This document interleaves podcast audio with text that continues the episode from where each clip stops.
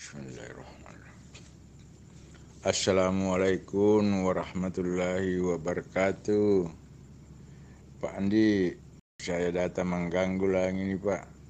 Mau cerita-cerita sedikit nih Pak tentang masalah saya sakit atau gila. Begini Pak, mulanya saya sakit itu Pak, saya mulai belajar sholat. Ya, mulai belajar sholat. Lalu saya melaksanakan sholat tengah malam untuk mendekatkan diri kepada Allah sampai 15 hari berturut-turut Pak.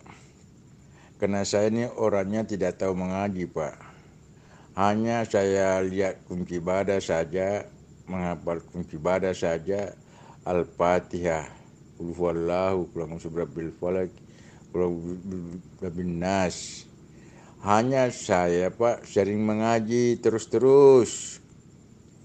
Nah, akhirnya Pak, pada saatnya 15 hari itu saya duduk timpuh hampir satu malam Pak saya mengaji terus-terus itu Al-Fatihah Pak. Nah, yang lama lagi Pak saya rasakan itu Al-Fatihah. Nah pas saya membaca saya tidak membaca lagi Pak saya rasakan saja Pak. Nah ketiga itu Pak selesai itu berturut-turut ada daya. Ada daya dalam diri saya ini Pak berkelima Allah. Nah, tiba-tiba juga itu daya itu hilang-hilang tiga kali ada. Nah, itu daya itu Pak. Jadi saya perhatikan itu daya berkelima Allah. Orang saya bilang saya ini sudah gila karena duduk termenung. Hanya saya tidak termenung, hanya merasakan saja yang berkelima Allah itu Pak.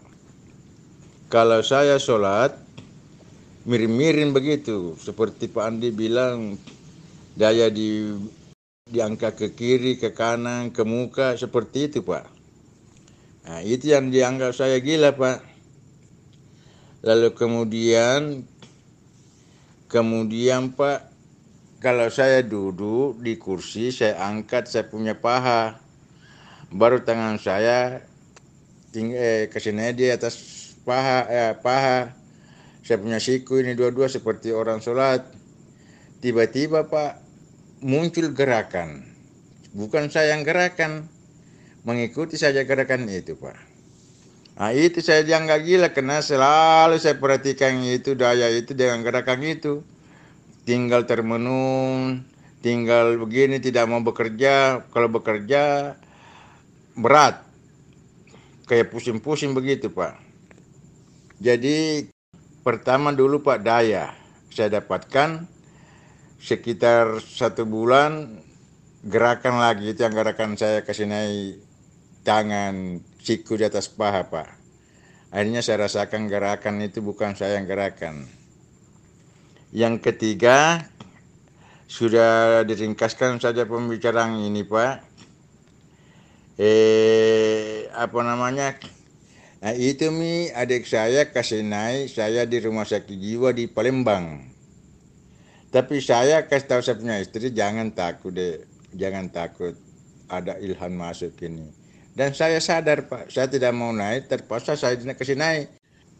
Jadi yang lama pak saya dapatkan itu, itu gerakan, eh dorongan pak. Eh, sekitar empat tahun baru saya didorong karena napas saya ini sering mau sambung di atas tapi tidak bisa pak nah, sekalinya ada dorongan itu langsung tembus napas saya ke atas bersamaan dengan daya akhirnya terputar pak eh, yang saya rasakan tidak ada di dalam diri saya semua ada dari batas kongkongan saya terputar di atas pak seperti itu yang saya rasakan pak hanya itu saja saya, saya rasakan terus.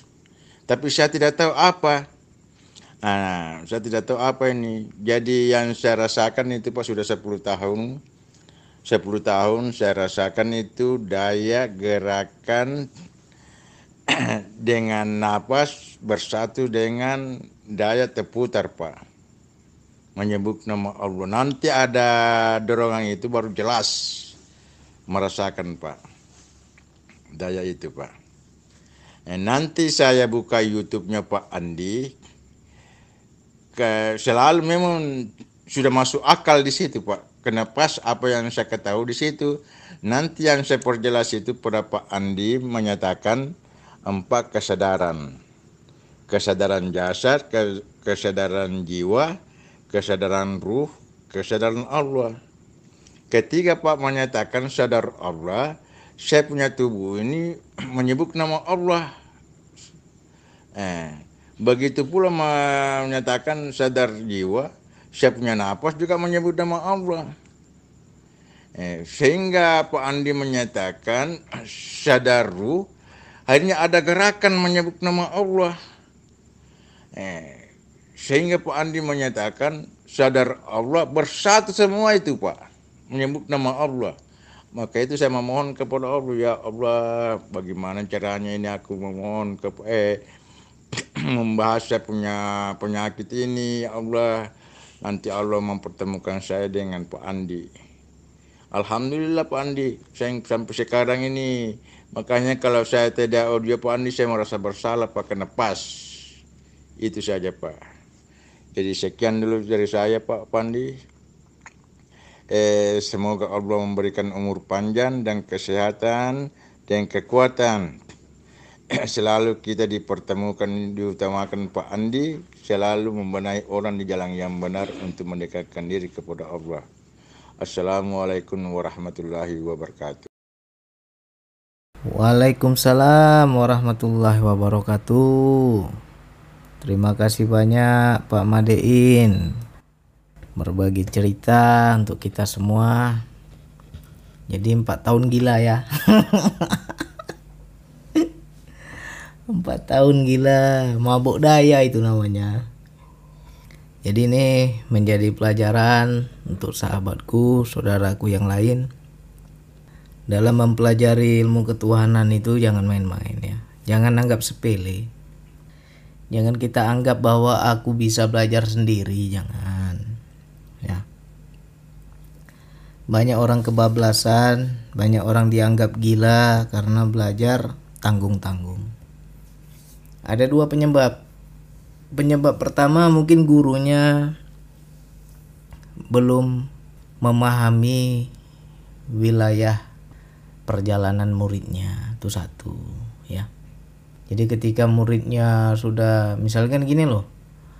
Muridnya punya pengalaman di kilometer 100 misalnya. Rupanya gurunya baru kilometer 50. Jadi kayak mana sang guru mau menjelaskan? Gurunya belum sampai situ ya kan? Ada juga tuh yang begitu. Atau ada juga gurunya memang sudah paham tetapi si muridnya kurang adab. Kurang adab yang bagaimana bang? Ya nggak mau bertanya sama guru. Nah, akhirnya gila sendiri lah ya. Nah kalau yang begitu ya tanggung sendiri akibatnya. Itu yang ada guru aja begitu apalagi nggak ada guru coba. Apa nggak gila kuadrat ya. Jadi kita memang semua tuh nggak ada yang salah. Kita mau menyesali mau kita bilang salah bagaimana? Udah terjadi ya kan? Ini menjadi pelajaran untuk kawan-kawan yang lain. Makanya saya selalu menganggap semua itu saya bilang sensasi. Sensasi itu banyak macam. Ada sensasi visual kita melihat ini melihat itu nampak ini nampak itu. Ada juga sensasi daya itulah bentuknya getaran badan kita bergoyang. Ada energi yang mengalir di seluruh tubuh kita. Itu kalau kita terlalu ikuti juga terlalu hanyut. Ya jadi itu bukan sadar Allah namanya tapi sadar daya. Karena diikuti dayanya jadi macam Pak Madein sudah empat tahun gila. Ya sebenarnya kalau kita ngomong hakikat ya nggak gila. Kenapa ya bang? Saya sholat dibilang gila bang karena saya sholatnya goyang-goyang. Itu goyang-goyang itu karena mikraj. Ya jiwanya mikraj sebenarnya. Makanya terjadilah tarik menarik antara jiwa dan jasad itu sehingga terbentuklah goyang-goyang kayak terdorong ke depan terdorong ke belakang ya kan? Ketarik kita. Nah itu kalau kita terlalu hanyut ya nggak boleh sebenarnya ya. Jadi kalau kita mau sholat yang pakai daya itu sholatlah sendiri. Jangan sampai di depan orang nampak orang. Karena kalau nampak orang ya jadi dianggap gila kita. Ya. Nah bagi yang paham ya paling maklum tapi yang nggak paham ini cepat-cepat kita dibawa rumah sakit jiwa nanti ini ikut aliran sesat ini udah lain sholatnya katanya kan macam-macam nanti ya Nah, terlalu hanyut pada rasa, terlalu hanyut pada daya itu juga sensasi tenangnya luar biasa. Tenang, nyaman. Terlalu tenang di sinilah menjadi kita malas. Makanya banyak kita tidak produktif, tidak mau bekerja, kita rasanya mau berduaan dengan Allah terus. Karena wilayah rasa, wilayah daya ini ya kayak kita bilang namanya orang mabuk ketagihan ya kan. Kecanduan juga. Saya nggak mau berapa bersosial. Saya mau di rumah aja ada kondangan di sebelah kampung istri aja ayo bang kita kondangan dapat undangan ini kita pergi kampung sebelah. Nggak mau kita. Kamu aja yang pergi sana saya mau berduaan sama Allah. Ay, apa nggak dibilang gila kita? Ya. Nah wilayah ini memang banyak terjadi tapi sangat sedikit orang yang mau bercerita. Makanya nah, bersyukur saya teman-teman yang menyimak YouTube saya itu sering ibaratnya gimana ya? Mengenolkan keegoannya dihilangkan rasa malunya mau dia bercerita. Contoh macam Pak Made ini, ini kan. Nggak ada malu nggak ada gengsi ya. Cerita aja. Biar apa? Jadi pelajaran untuk yang lain ya. jangan sampai lah yang lain juga kebablasan. Apalagi sampai bertahun-tahun ya. Janganlah kita ini manusia normal harus normal. Jangan terlalu kita hanyut pada rasa. Kalau saya dulu dua tahun saya gila saya dua tahun. Tapi untung pula nggak nggak dibawa rumah sakit saya. Ngomong sendiri ya kan? Termenung sendiri. Nanti istri istri ajak ngobrol mata saya ke mana-mana. Kayak kayak ada yang saya terawang kayak udah memandang jauh saya. Apa yang kamu pandang kata istri saya ada sesuatu saya dilihatkan saya bilang kan. Nah oh ya orang gila ini orang gila. Habis saya dikata-katain. Kadang ngomong sendiri sering itu. Karena apa? Di dalam diri ini interaksi dia. Berbicara sendiri ngomong sendiri tanya sendiri jawab sendiri apa nggak dibilang gila. Ya. Nah, untuk teman-teman yang betul-betul menapaki wilayah ketuhanan ini, biasanya yang masuk ke tahap gila ini orang yang betul-betul ya udah jatuh cinta lah. Ya. Dia mengamalkan hakikat makrifat itu nggak tanggung-tanggung, betul-betul dia tekuni. Nah, cuma kebablasan ini yang bahaya. Nggak ada guru, nggak ada pembimbing, nggak ada tempat bertanya, ya kita juga kita pendam sendiri nggak mau kita ceritakan sama guru kita akhirnya apa? Kebablasan. Ini yang berbahaya. Ya. Apakah itu semua benar bang? Apakah tidak ada bisikan setan? Bisa masuk bisikan setan. Jadi jangan dianggap semua bisikan di dalam diri itu murni dari Allah belum tentu karena kita terlalu hanyut pada rasa kita itu masuk ke titik kosong. Nah masuk ke titik kosong bisikan goib masuk. Ya. Masuk itu bisikan-bisikan goib. Banyak suara-suara di dalam diri ya. Nah bising itu. Itu yang dikatakan sepi di dalam ramai ramai di dalam sepi ya. Kalau kita di tempat keramaian kita merasakan sepi jadi di luar itu udah nggak peduli lagi kita karena kita sibuk masuk ke dalam diri. Itu namanya sepi dalam ramai. Lalu ramai dalam sepi macam mana bang? Kita sepi di rumah tapi di dalam kepala ramai. Banyak kali suara-suara dalam diri itu bercerita. Nah ini kalau terlalu hanyut gila. Nah itu bahaya. Ya jadi bagi teman-teman, saudaraku, sahabatku yang lain yang mengamalkan zikir nafas, yang nonton YouTube saya, kalau tidak sungguh-sungguh belajar, jangan diamalkan zikir nafasnya. Berefek nanti, ya. Nah, kecuali kita sungguh-sungguh mau belajar, ah, nontonlah semua itu. Simak baik-baik, pelajari pelan-pelan. Semua sudah ada di YouTube. Jawaban kawan-kawan dari pertanyaan dan pengalaman teman-teman yang lain tuh sudah ada semua. Makanya macam Pak Madain bilang yang saya simak dari uraian Bang Andi kok saya jadi normal katanya. ya karena hanya yang sudah ke situ baru paham. Kalau nggak ke situ nggak akan paham. Ya. Jadi untuk Pak Madein jangan hanyut pada rasa ya itu juga kita terhenti perjalanan kita menuju Allah. Mengikuti daya mengikuti rasa terlalu kita ikuti kali nanti jadinya sadar daya bukan sadar Allah. Sejatinya zikir kita putus itu. Ya. Jadi jangan diikuti kali. Biasa-biasa aja lah hidup ini ya normal-normal aja lah. Jangan kita mempelajari ketuhanan jadi gila jadi hanyut pada rasa jadi hanyut pada bisikan-bisikan di dalam diri ya. Kita harus normal harus tetap menjadi makhluk bumi ya. Terbanglah setinggi-tingginya tapi jangan lupa bumi untuk berpijak ya. Maknanya adalah silakan raih dunia akhirat. Tapi jangan lupa syariat ya. jangan lupa kita syariat. Jangan lupa kita dunia. Jadi tetap biasa-biasa aja.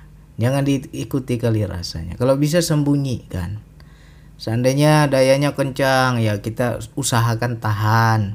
Kalau di sekitar kita ada yang lihat ya jangan nampain.